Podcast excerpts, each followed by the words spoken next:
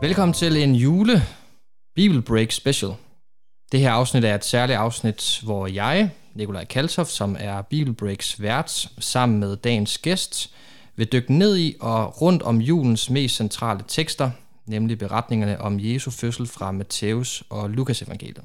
Og i dag sidder jeg sammen med Henrik Nyman Eriksen, som er teolog og rektor på Dansk Bibelinstitut. Velkommen til, Henrik. Tak. Tak fordi du vil være med. Vil du ikke lige starte med bare lige at sige kort lidt om dig selv? Jo, jeg er 58 år, og jeg bor i Frederikssund, som er en by ved Roskilde Fjord. Og øhm, jeg har en kone, der hedder Helen, og nogle drenge og svigerdøtre, og jeg er lige blevet farfar. Tillykke med det. Tak. Henrik, inden jeg vil læse de her to fødselsberetninger fra henholdsvis Matthæus og Lukas evangeliet, vil du så ikke lige starte med, bare lige kort igen, at præsentere den historiske kontekst, som øh, teksterne er skrevet ind i? Altså den her historiske scene, hvor at beretningerne udspiller sig. Jo, vi befinder os jo i, i Israel, og øh, det øh, jødiske folk er øh, har for nogle århundreder siden været i fangenskab i Babylon. De er kommet hjem igen. De har haft, øh, der har været forskellige, sådan perserne og grækerne har domineret. De har haft en periode med selvstændighed, og nu er det romerske øh, imperium også nået til Israel. Og, øh, og det er flere årtier siden, at romerne fik magten i Israel, når vi, da Jesus blev født. Og der er, romerne har indsat en, øh, en hvad skal vi sige, en vasalkonge, der, der, der styrer området for dem. Han hedder Herodes den Store. Og øh, det er sådan set ham, der er regent i området, men han står til regnskab for romerne. Og skal også betale skatter og sådan noget til dem. Og øh, midt i det, der lever så det jødiske folk. De har øh, templet i Jerusalem, øh, og de har synagoger rundt omkring. Og, øh, og ind i det, der bliver Jesus født. Super godt. Jeg starter med at læse fra Matteus evangeliet, hele kapitel 2, og derefter så læser jeg fra Lukas evangeliet kapitel 2, og der læser jeg fra vers 1 til 20. Da Jesus var født i Bethlehem i Judæa i kong Herodes' dage, se, der kom der nogle vise mænd fra Østerland til Jerusalem og spurgte, hvor er jødernes nyfødte konge? For vi har set hans stjerne gå op og er kommet for at tilbede ham. Da kong Herodes hørte det, blev han forfærdet og hele Jerusalem med ham. Og han sammenkaldte alle ypperste præsterne og folket skriftkloge og spurgte dem, hvor Kristus skulle fødes. De svarede ham, i Bethlehem i Judæa, for således er det skrevet ved profeten. Du Bethlehem i Judas land, du er på ingen måde den mindste blandt Judas fyrster. For dig skal der udgå en hersker, som skal vogte mit folk Israel. Så tilkaldte Herodes i al hemmelighed de vise mænd og forhørte dem indgående om, hvornår stjernen havde vist sig. Og han sendte dem til Bethlehem og sagde, Gå hen og spørg jer nøje for om barnet. Og når I har fundet det, så giv mig besked, for at også jeg kan komme og tilbede det. Da de havde hørt på kongen, tog de afsted, og se, stjernen, som de havde set gå op, gik foran dem, indtil den stod stille over det sted, hvor barnet var. Da de så stjernen, var deres glæde meget stor. Og de gik ind i huset og så barnet hos dets mor, Maria, og de faldt ned og tilbad det, og de åbnede for deres gemmer og frembar gaver til det. Guld, røgelse og myre. Men i drømme fik de en åbenbaring om ikke at tage tilbage til Herodes, og de vendte hjem til deres land af en anden vej. Da de var rejst, se, der viser Herrens engel sig i en drøm for Josef og siger, Stå op, tag barnet og dets mor med dig, og flygt til Ægypten og bliv der, indtil jeg siger til. For Herodes vil søge efter barnet for at slå det ihjel. Og han stod op, og mens det endnu var nat, tog han barnet og dets mor med sig og drog til Ægypten. Og der blev han indtil Herodes var død, for at det skulle opfyldes, som Herren havde talt ved profeten, der siger, Fra Ægypten kaldte jeg min søn. Da Herodes nu indså, at han var blevet narret af de vise mænd, blev han rasende. Og i Bethlehem og hele dens omegn lod han alle drenge på to år og derunder myrde, ud fra den tid, han havde fået opgivet af de vise mænd. Der opfyldtes det, som var talt ved profeten Jeremias, der siger, I Rama høres råb, gråd og megen klage. Rakel græder over sine børn, hun vil ikke lade sig trøste, for de er ikke mere. Da Herodes var død, se, der viser Herrens engel sig en drøm for Josef i Ægypten og siger, Stå op, tag barnet og dets mor med dig og drag til Israels land, for de, der stræbte barnet efter livet, er døde. Og han stod op, tog barnet og dets mor med sig og kom til Israels land. Da han hørte, at Archelaus var blevet konge i Judæa efter sin far Herodes, turde han ikke tage dertil. Men han fik i drømme en åbenbaring om at rejse til Galilea, og der bosatte han sig i en by, der hedder Nazareth, for at det skulle opfyldes, som er talt ved profeterne, at han skulle kaldes Nazareer.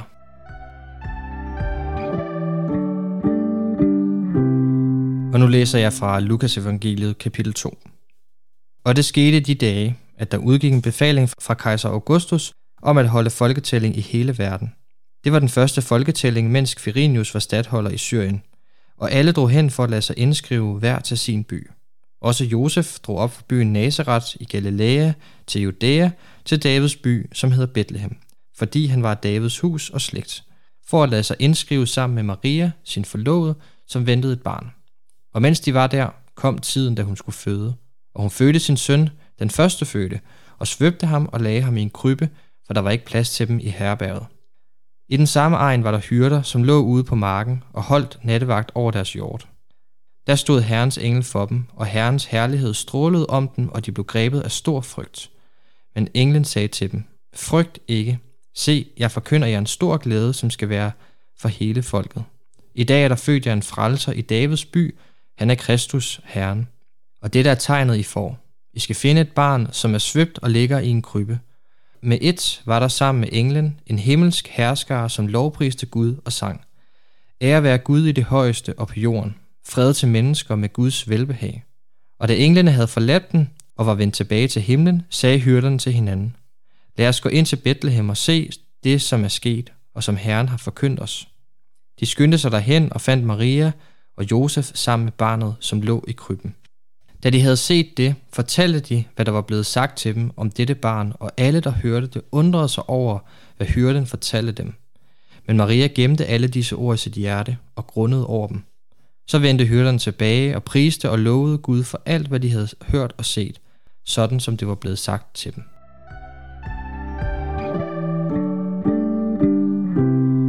Godt, Henrik. Hvad er den sådan overordnede forskel på Matthæus og Lukas beretningen? Man kan måske sige sådan, at i Lukas, der bliver, øhm, der kommer de til Bethlehem.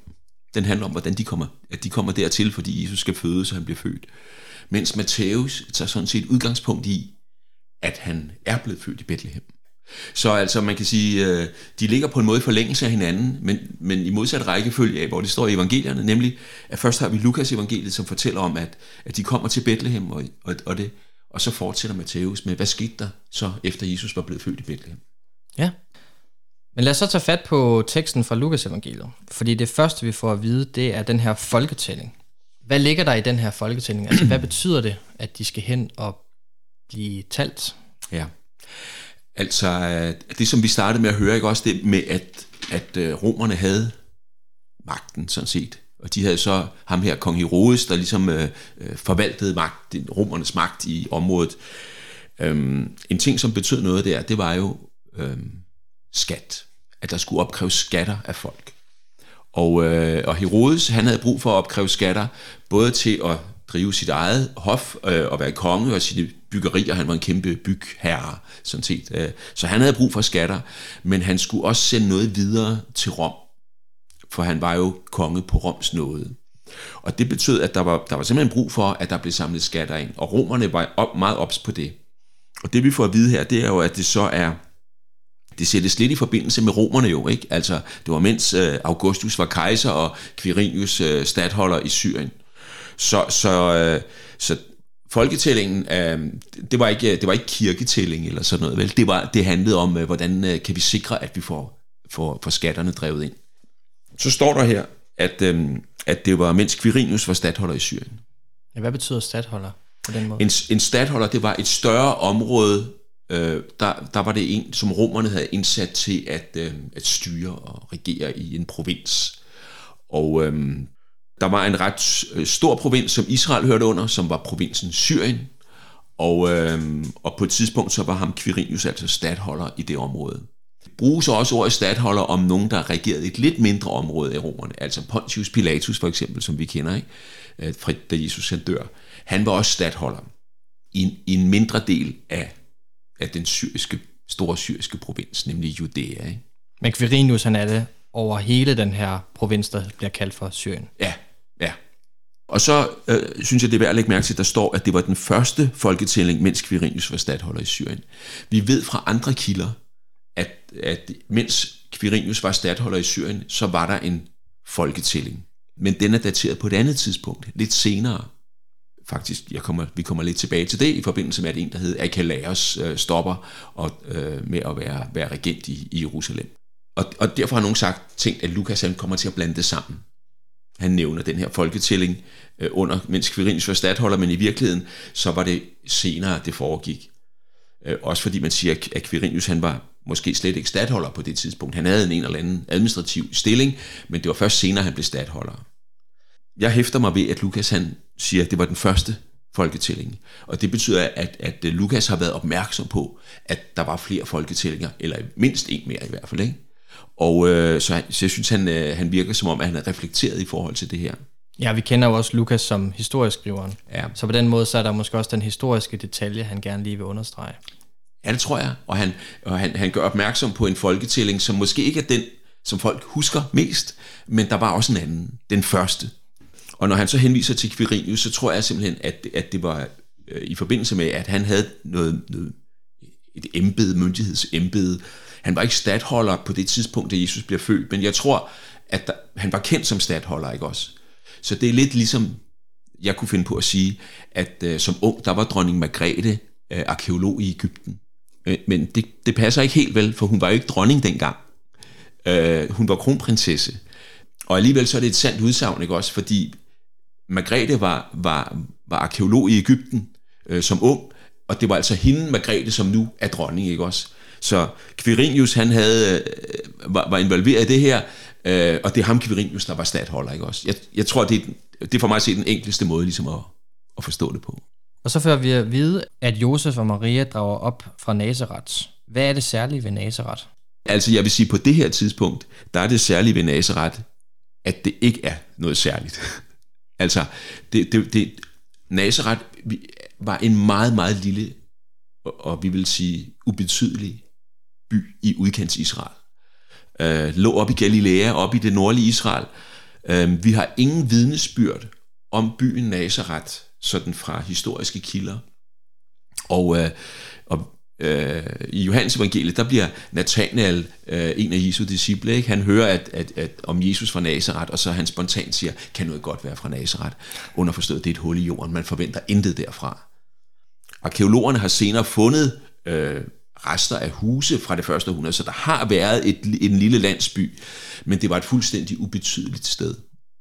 Sådan set, fra Jerusalem i hvert fald. Så der var også sådan en form for by og land konflikt på det tidspunkt, eller hvad? Det tror jeg. Det tror jeg. Jeg tror, der var, altså, der var Jerusalem dernede, hovedstaden, og, og der, var, der, var, der var de rige, og der var, der var dem, som, øh, der var templet, og der var alle øh, dem, som bestemte noget, og så var der dem, der boede lidt i, ude, i udkanten, og det gjorde man, når man boede op i Galilea, og i særdeleshed i en by som Nazareth. Og så kommer de så til det her herberg. Hvad er et herberg på det her tidspunkt i Israel? Ja, ja altså de kommer jo først til en by, ikke? de kommer til Bethlehem, som ligger dernede øh, i den sydlige del af Israel, i Judæa, ret tæt på Jerusalem faktisk. Øh, man kan gå fra Jerusalem til... Det har, det har jeg gjort en gang juleaften. Det var regnvejr, det var, det var ikke særlig vellykket. Men der kommer de, og så står der det der med, at der ikke var plads til dem i herberget nemlig. Og jeg tror, at ordet herberg, som er, det er jo det, sådan det er oversat i den danske oversættelse, det får os jo til at tænke på et, øh, et hotel, eller en, et, et hostel, eller sådan noget, ikke også? En kro måske. Men, men øh, øh, Lukas bruger ordet herberg en gang mere i sit evangelium, og det er i forbindelse med, at øh, Jesus sender disciplene øh, afsted for at forberede påskemåltidet, og så kommer de til et hus, og så er der et rum til dem. Og det ord, som er oversat med det her rum øh, på første sal, der hvor de skal, det er det samme ord, som er her oversat med herberg. Og derfor er der en del, der mener, øh, og det giver rigtig god mening, at vi skal ikke tænke, vi skal ikke tænke på en eller anden pension, eller sådan et sted, eller en kro, eller sådan noget, men øh, vi skal mere tænke i en type rum, et gæsteværelse. Der står, at Josef han var oprindeligt fra Bethlehem, ikke også? Og nu tager han så derned med sin øh, forlovede øh, for at blive indskrevet ved den her folketælling. Der har muligvis været andre i øh, Josefs familie, som er kommet tilbage for at blive indskrevet, og de har fået gæsteværelset her. Det som er her oversat med herberget. Ikke? Og så kan man sige, jamen hvad så med Josef og Maria? De skulle jo også have en plads, når de kom ned til Josefs familie og skulle indskrives. Der hører vi jo senere, at øh, da Maria hun er født, at der, øh, der bruger de en krybbe som, som vugge. Ja, hvad er en krybbe egentlig? En krybbe, det er sådan et, et fodertro, vil man måske sige. Ikke? Det, det er sådan et sted, hvor man lægger mad til, til, til kreaturer, til dyr, får, køer, heste, kameler, hvad man nu havde, ikke også? Øh, hvor, man, hvor man lægger maden, og så spiser de af det der, den der krybe. Og, og den har de jo så foret måske med noget, noget hø og sådan nogle ting, ikke også? Og brugt som, som vugge, som seng for det her nyfødte barn. Og, og, øh, og det er ikke sikkert, vi tænker jo også, en stald, det er sådan langt ude, et eller andet sted. Men, øh, men, men øh, på den tid og senere i Mellemøsten, der, der var et, et, et hus, sådan var det faktisk født også i Danmark i gamle dage, der var der ikke et skarpt skæld mellem beboelsesdelen og, og der, hvor dyrene var. Så vi kan måske forestille os et, et, et, et, et hus i Bethlehem, hvor du har øh, en, en, en del af det som er stald, det er med, faktisk også med til at give varme til den øvrige del af huset, og så har du øh, den menneskelige beboelsesdel, og der er måske nogle ekstra rum, inklusiv det her gæsteværelse, som så var optaget. Og der, hvor der er plads til Josef og Maria, da de kommer, det er så nede i nærheden af stallen, hvor der så er den her krybbe, som, øh, som de bruger som, som vugge. Det giver god mening. Ja, det gør det. Og så sker der sådan et sceneskift, fordi så i vers 8 i kapitel 2 af Lukas evangeliet, så står der, at i den samme egen var der hyrder, som lå ude på marken. Hvad er hyrderne for nogen på den her tid i Israel? Ja, det er jo nogen, der passer for og geder. Typisk at det er dem, at for og geder. Ikke så meget køer og, og kameler og sådan. Det kunne de måske også, men, men først og fremmest småkvæg, som det hedder, ikke? for og geder. Og de her hyrder, de rangerede allerlængst nede på den sociale øh, rangstige. De havde ry for, os, at, at de øh, stjal. De, det var typisk andres øh, for og geder, de passede, ikke? og de havde ry for, at de kunne finde på at stjæle, øh, bruge nogle af, af dyrene til sig selv, for eksempel. De har også øh, ry for at bringe deres øh, får og geder ud og, og græsse på andres marker og sådan nogle ting. Og Sådan. Øhm, de var, de var, det var den sociale bund. Og det betød også, at de var uden almindelige civile rettigheder. En hyrde kunne for eksempel ikke blive dommer. Det er jo så, hvad det er. Så mange dommer er der heller ikke brug for. Men det betød også, at en hyrde for eksempel ikke kunne aflægge øh, være vidne i en retssag, fordi at de ikke var øh, blev regnet som troværdige.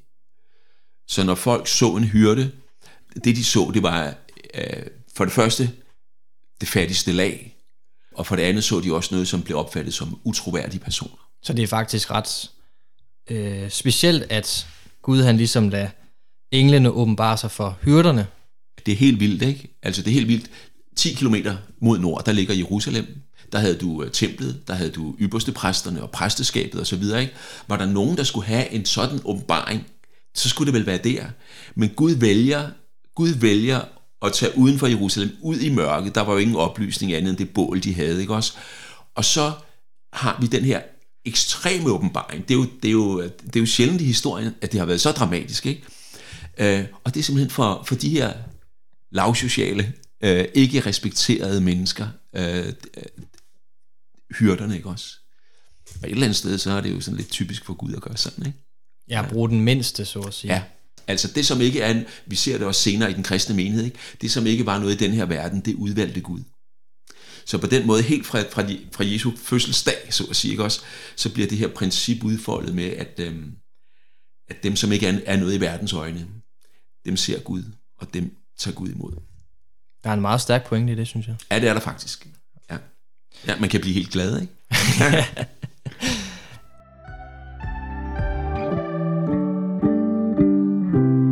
Henrik, jeg tænker, vi skal over i Matteus evangeliet. Og det første, jeg har lyst til at spørge dig om, det er om ham, kong Herodes, som vi har været inde på et par gange. Vil du ikke sige lidt mere om, hvem han var? Jo. Herodes, han var jødernes konge på det her tidspunkt.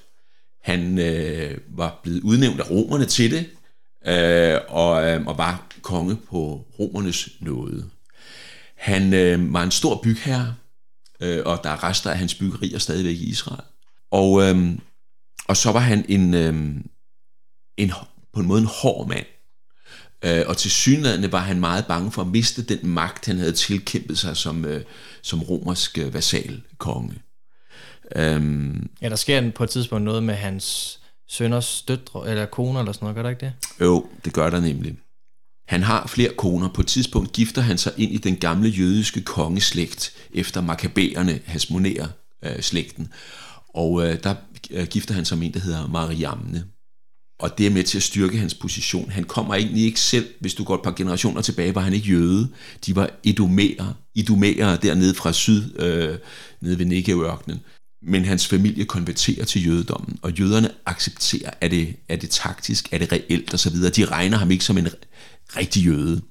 Men i og med, at han gifter sig med en af, af den stærke jødiske kongeslægt, øhm, så er det med til at give legitimitet til hans, og især til hans børn, fordi de jo så også er den her gamle kongeslægt via moren. Ikke? Så på et tidspunkt, så bliver han jaloux på hende. Bliver ellers beskrevet som hans yndlingshustru men han bliver jaloux, og, der, og så slår han hende ihjel. Så han dræber simpelthen sin egen Han dræber sin egen kone, ja. Og i samme ombæring dræber han for også sin kones mor, altså sin svigermor, som også jo så har været den der gamle, hun har ikke været dronning, men hun har været ja, den prinsesse i den der gamle kongeslægt, ikke? Øhm, så, så øh, øh, hende her, øh, den her kongefamilie, som han jo er blevet gift ind i, ikke også? Øh, hans yndlingshustru Mariamne der, som han senere slår ihjel, hun har så en bror, der hedder øh, øh Aristobul, og som bliver ypperste præst som 18-årig. Det er jo også med til at styrke hele familiens position osv. Men han bliver, han bliver meget populær. Og, og folket tænker, at her har vi ligesom en potentiel ny øh, fra den gamle slægt, men Herodes synes jo, det er lidt for tidligt. Så øh, den jødiske historieskriver Josefus fra det første århundrede, han fortæller om, hvordan at, øh, at den her unge ypperste præst på 18 år kommer ned i Herodes vinterpalads i Jericho, hvor der er lunt om vinteren, fordi det ligger ned, næsten ned ved det døde hav, ikke? Og øh, så omkommer han i en vandpolokamp. Og det ligger ligesom mellem linjerne, når, når det bliver beskrevet, at, at det gør man ikke bare sådan, vel? Det er jo fordi, det var ved et, et, et planlagt tilfælde, han, at de, de drukner ham simpelthen. Han var en brutal mand, Herodes. Han var brutal, fordi det var så hans, hans svoger jo i virkeligheden. Han lod drukne for at sikre sin magt. Ikke? Han når at få to sønner med hende her Mariamne, og de er jo så også de er jo prinser i den gamle kongeslægt via deres mor. Så da han nærmer sig, at han skal dø, Herodes, han dør i år 4 før Kristus, omkring år 6 eller sådan noget før Kristus, der er de to sønner, han har fået med Mariamne, de begynder sådan at snakke om, hvornår er far, er det tid for os til at tage over, og det får han nys om. Og selvom han egentlig havde set dem som sine øh, efterfølgere, så henretter han dem, fordi han føler sig truet af sine egne sønner. Så han henretter de to sønner. Så, så har han det, hans første fødte, han hedder Antipater, og han står så til at skulle være arving.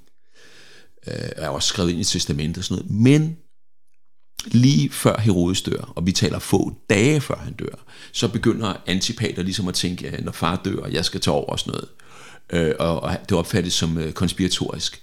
Og så får han næsten på sit dødsleje, få dage før han dør, så får han også dræbt Antipater, fordi han skal ikke tage magten før tid.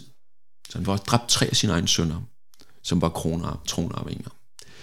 Øh, det er ret voldsomt faktisk. Og så kommer vi jo så netop til noget, der også er meget, meget brutalt, nemlig barnemordet i Bethlehem. Ja, og man kan sige, vi har kun den her historie om, om barnemordet i Bethlehem her fra Matthæus kapitel 2, men øh, i starten, som du læste ikke også, så står der, at øh, de vise mænd kommer til, øh, til Jerusalem. De, de opsøger først Jerusalem, for det er jo jødernes nyfødte konge, vi skal tilbede. Ikke? Og så stod der jo, da Herodes hørte det, jødernes nyfødte konge, det er jo en rival, ikke også? Så står der, der blev han meget forfærdet, og så står der, og hele Jerusalem med ham. Og det forstår man jo godt. De kendte ham jo. Hvad sker der nu? Ikke også? Han tænder helt af. Og det gjorde han jo så også fordi at, øh, at det ender jo med, at øh, da han er blevet, de, de, de, han bliver snydt og sådan noget, det kan vi lige komme tilbage til, ikke også? Og så, øh, så for at, at udrydde den mulige kommende rival, så, så får han dræbt alle øh, drengebørn under to år i Bethlehem, lidt syd for Jerusalem. Ikke? Så kan man mildt sagt godt forstå, hvorfor de bliver forfærdet, og de bliver ja. noget spændte på, hvad der kommer til at ske. Ja. Altså på den måde skriver barnemor i Bethlehem, det passer ind i det samlede billede af Herodes som en, en meget magtfuld, magtsyg konge, øh, som frygtede enhver rival. Øh, og man kan sige, den her den her dreng, der var blevet født i Bethlehem, der gik nok lidt tid, før han var en reel trussel, ikke? men, men, men, men at han reagerer brutalt på det her, ikke også? Og det passer fuldstændig i mønstret. Ham, der kunne dræbe sine egne sønner, hvis han følte sig truet af dem, ikke? Og sin kone og svoger. Ja, på den måde er det så ikke en overraskelse, kan man sige, at han så ender med at ville slå Nej. spædbørn eller børn Nej. op til to år ihjel. Nej. Men vi var lige inde på det. Han bliver snydt af nogle mænd, dem der bliver omtalt som de her vise mænd. Hvem var de for nogen? Ja, det ved vi jo faktisk ikke rigtig vel. de dukker op, og det er lidt spændende, der står, de kommer fra Østerland. Det kan jo sådan set være bare lidt øst for Israel, altså i, over i, det har været, i, i Bibels sprogbrug vil det være Arabien, i gamle testamente er det sådan ammonitterne og så videre, ikke? Øhm, men det kan også godt være, at de kom længere øst fra, derover hvor jøderne havde været i fangenskab i Babylon, øh, i Mesopotamien. Den nuværende Irak, vil man ikke sige det? Jo, ja. jo der hvor de to floder løber ned i den persiske golf. Ikke? Og, øh, og der var jo også på det her tidspunkt et stærkt jødisk samfund stadigvæk, for det var jo ikke alle, der var kommet hjem til Israel. Og hvis man tænker den tanke, så kan, der jo, så kan det jo både være nogle, nogle øh, hvad skal vi sige, ikke-jødiske astronomer, eller astrologer, som måske har haft kontakt med nogle af jøderne derovre, snakket med rabbiner og så videre, øh, og så har de set den her stjerne, som symboliserede, at jøderne skulle få en nyfødt konge, og så er de taget ud på deres rejse helt deroverfra, ikke også for at, at tilbede. Man kan overveje det. Man kan også overveje, om det her faktisk måske var, at de her vise mænd faktisk var jøder over fra øh, Babylon, og som havde lært astrologi og astronomi og så videre af, af de her sådan, øh, babyloniske stjernesyder, og så kæder det sammen med deres jødiske tro på en eller anden måde. Det, det, det tænker jeg er et lidt åbent spørgsmål. Men de kommer jo i hvert fald derfra østfra, og det, som jeg synes er værd at lægge mærke til, det er, at de kommer med deres stjerne, altså de, de har tolket på, på, på stjernebillederne, øhm, jøderne og en konge og så videre. Men det, som i sidste ende leder dem hen til Jesus, det er jo faktisk, at da de kommer til Jerusalem, så er der nogen, der får fat i de gamle skrifter, nemlig profeten Mika, som kan, kan hjælpe dem det sidste stykke. Øh, og det gør jo, at de på en eller anden måde er et vidnesbyrd om det der med, at, at der kan være mange veje til, at folk de er søgende og så videre. Men, men, men skal vi helt hen til Jesus og finde ham, så har vi brug for, for i det her tilfælde, Mikas bog fra det gamle testamente, ikke? eller vi har brug for skrifterne til at lede det sidste stykke. Ikke? Og apropos vej, så står der i vers 12, de vendte hjem til deres land af en anden vej. Hvad ligger der i det der med en anden vej? Der ligger det i det, at Jerusalem ligger, Israel, øh, også på Jesu tid, sådan er det jo sådan set også stadigvæk, ikke også? Øh, der er ligesom sådan en bjergryg, central bjergryg, øh, der går sådan fra nord-syd, og der ligger Jerusalem øh, sådan i den sydlige ende, eller halvdel af det. Og det er en ret øh, utilgængelig, øh, der er sådan nogle dybe kløfter, vadier kalder man det i dag, så det, det, der er ikke ret meget øh, nord-syd trafik, men der er en deroppe, hvor vandskillelinjen går, øh, og der ligger byerne, Hebron i syd, og Bethlehem og Jerusalem og Betel og Sikhem og så videre. Og så er der nogle få veje op, der støder op til den her nord-syd hovedvej, øh, nede fra, fra Jericho. Og det betyder, at, at hvis du skal fra Jerusalem, at de, de er helt sikkert, når de er kommet østfra, så er de kommet nedefra, ikke også? Altså, og så er de kommet op og har ramt den her hovedvej til Jerusalem øh, og kommet den vej. Og, og når de skulle tilbage igen, efter at have været i Bethlehem, så ville det være naturligt at gå tilbage forbi Jerusalem, for Bethlehem ligger lidt syd for Jerusalem, og så dreje ned igen mod Jericho, den vej er en af de der. Der er sådan set tre veje, hvis man strækker det lidt ud, ikke også? Men de skulle forbi Jerusalem igen for at komme ned til Jericho og over østpå og den vej. Men der står jo her, at de vendte en anden vej. De ville ikke forbi Jerusalem igen, fordi de ville ikke risikere at møde Herodes. Og der, der, var en, der var en vej mere, man har kaldt den Jerusalems bagdør. Og det var, hvis man gik lidt syd for, for Bethlehem, og så tog ind over østover, ind over bjergene. Der var en lille by, der hed Tekoa. Det var faktisk der, at uh, profeten Amos kom fra. Han var forhørte i Tekoa. Øh, og der gik ligesom op på højderyggen, der, der gik der en, en smallere vej. Det var ikke en hovedvej, men der var en smal vej. Øh, ned til det døde hav, nede ved en Gedi. Og så kunne man koble på vejen den vej. Så når der står, at de vendte en anden vej til deres øh, vendte hjem af en anden vej, så er det sandsynligvis den her Jerusalems bagdør, der, der er en hentydning til, for så undgik de at komme omkring Jerusalem, som ellers var det naturlige, når de skulle tilbage og østpå igen. Det giver virkelig god mening. Ja, det gør det. Så står der, at Maria og Josef, de flygter til Ægypten. og øh, da jeg læste teksten, så tænkte jeg, hvorfor lige Ægypten? Øh, altså, jeg tænker da mm. umiddelbart, uden at vide særlig meget om det, at israelitterne var jo i sin tid udvandret fra Ægypten. Ja. Men nu er der nogen, der tager tilbage til Ægypten. Ja, ja. Hvad ligger der lige i det? ja, først og fremmest ligger der jo historisk det, at der var en ganske stor gruppe jøder, der boede i Ægypten. Og hvis du skulle, øh, hvis du skulle flygte et sted hen uden for Israel, hvor du øh, kunne være sådan rimelig øh, tryg og have mulighed for at connecte osv., så, videre, så var det jo fint at flygte et sted hen, hvor der i forvejen var et jødisk samfund. Og især i den øh, øh store egyptiske havneby Alexandria, der var der et stort jødisk samfund. Der var flere synagoger dernede osv. Og så, så de har ganske givet, om de er kommet helt til Alexandria eller et andet sted, men de har rejst til Ægypten og er, har connectet. Måske har de haft nogen, de kendte, der boede dernede, øh, og, og har connectet med dem. Ikke også? Så, så det var ikke, det var ikke øh, et, hvad skal vi sige, øh, de har, de har sandsynligvis, mens de var i Ægypten, været en del af et jødisk samfund dernede.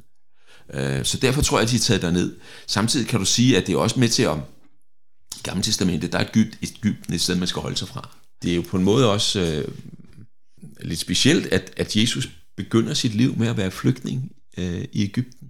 Øh, og det, det er der jo egentlig mange. Også i vores tid kan man måske sige, at han, han, han, øh, Jesus har prøvet at være flygtning. Øh, og hvis vi skal være meget aktuelle, så har de sandsynligvis krydset over nede ved Gaza, igennem den der, det kan ligefrem være omkring Rafah, fordi der gik hovedvejen ned langs kysten, øh, ned til Ægypten. Og så slutter Matthæus, Matthæus' øh, fødselsberetning af med, at de efter at have hørt, at Herodes er død, og at Archelaus er blevet konge, så tager de tilbage. Vil du ikke bare lige slutte af med at sige lidt om, hvem er det, ham her Archelaus er? Ja, altså da, da, da kong Herodes dør, så bliver hans rige delt mellem tre. Han har tre, han er flere, men der er tre sønner, der deler hans rige.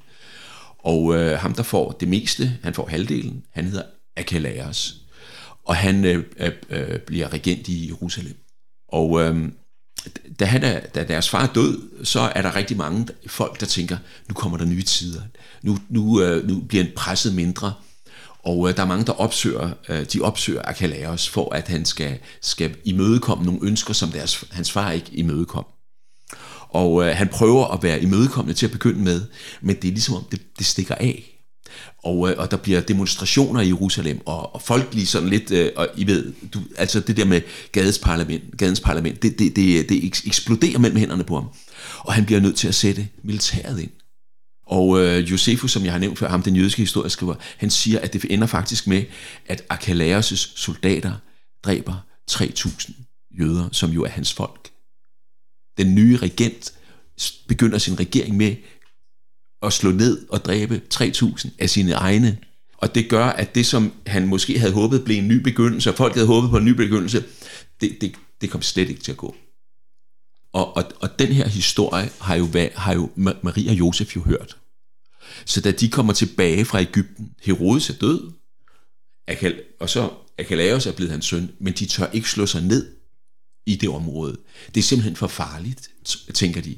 Og så rejser de op der, hvor Maria kommer fra, øh, op i Nazareth, op til udkendslandsbyen derop, og slår sig ned der. Og Josef, han lader så sin familie blive i Bethlehem. Ikke? Altså, Øhm, men, men det er helt tydeligt, de hører ham der, kan lære sig kommet. Det er ham, der, der starter sin regering med at slå 3.000 af sine borgere ihjel, ikke også? Der skal vi ikke være. Så drager de mod nord, ja. Det giver ret god mening. Ja, det gør det. Henrik, nu har vi været igennem en masse historiske fakta og en, en vi har talt om en masse jødisk baggrundshistorie, ja. israelsk baggrundshistorie. Hvad tænker du, det giver os i vores bibellæsning? jeg vil sige, det som det har givet mig rigtig meget, det er jo, det er jo den der fornemmelse af, at, at det vi læser om, når vi for eksempel læser om Jesu fødsel her, ikke også, det er sket i vores verden. Det er, det, er, det er personer, som man kan læse om i historiebøgerne, øh, og det er steder, man kan besøge i dag fysisk simpelthen. Ikke? Og øh, for, for mig at, bliver det sådan et stærkt vidnesbyrd om, at, at, at det, som vi fejrer her i, i, i julen med, at, at, at Jesus blev født ind i vores verden osv., det er, det, det er, vi har forladt eventyrkategorien. Vi er i historiebøgerne. Øh, det er vores verden, og dermed betyder det også, at det reelt kan få betydning for vores liv. Og, og så synes jeg, at de her ting også indirekte for mig bliver en bekræftelse af, at den scene, som din Bibelens beretninger foregår på, det passer med det, vi kender i øvrigt fra de historiske og geografiske kilder. Synes jeg er en god måde at slutte det på. Mm. Har du ikke lyst til her til allersidst lige sige lidt om, øh, hvad Dansk Bibelinstitut er for en størrelse? Altså Dansk Bibelinstitut ligger i København, og det er en øh, teologisk uddannelsesinstitution. Vi har en, øh, en række øh, veluddannede, dygtige lærere inden for de forskellige fag, øh, Gamle Testamente, Nye Testamente osv. Og, øh, og vi udbyder en underuddannelse øh, sammen med et norsk universitet, der hedder Fjellhaug øh, University College, øh, så man kan tage en bachelor i teologi øh, hos os, og så kan man øh, gå videre og tage kandidatoverbygningen på universitetet eller en master i Oslo. Det, det jeg har lyst til at sige her, det er, at hvis man overvejer at læse teologi, så er man velkommen her. Vi har også et godt fællesskab, det er et godt miljø at være i, og tage sin uddannelse i. Og så har jeg lyst til at sige, at vi ønsker også at være en ressource for dem, der ikke læser teologi. For kristne mennesker rundt omkring i Danmark, som, øh, som, som har lyst til at vide mere. Øhm, og en af de måder, man kan, kan, kan få gavn af det på, det er for eksempel ved at tjekke ind på nogle af vores online-tilbud, hvor at øh, vores, øh, vores lærere underviser øhm, i det, som er der, de er specialister i, men på en måde, som er forståelig for almindelige tænkende og, og fornuftige mennesker, som jeg tror, de fleste af lytterne her er. Ja. Super, tusind tak. Tilbage er der bare at sige rigtig glædelig jul. Vi lyttes ved i næste afsnit.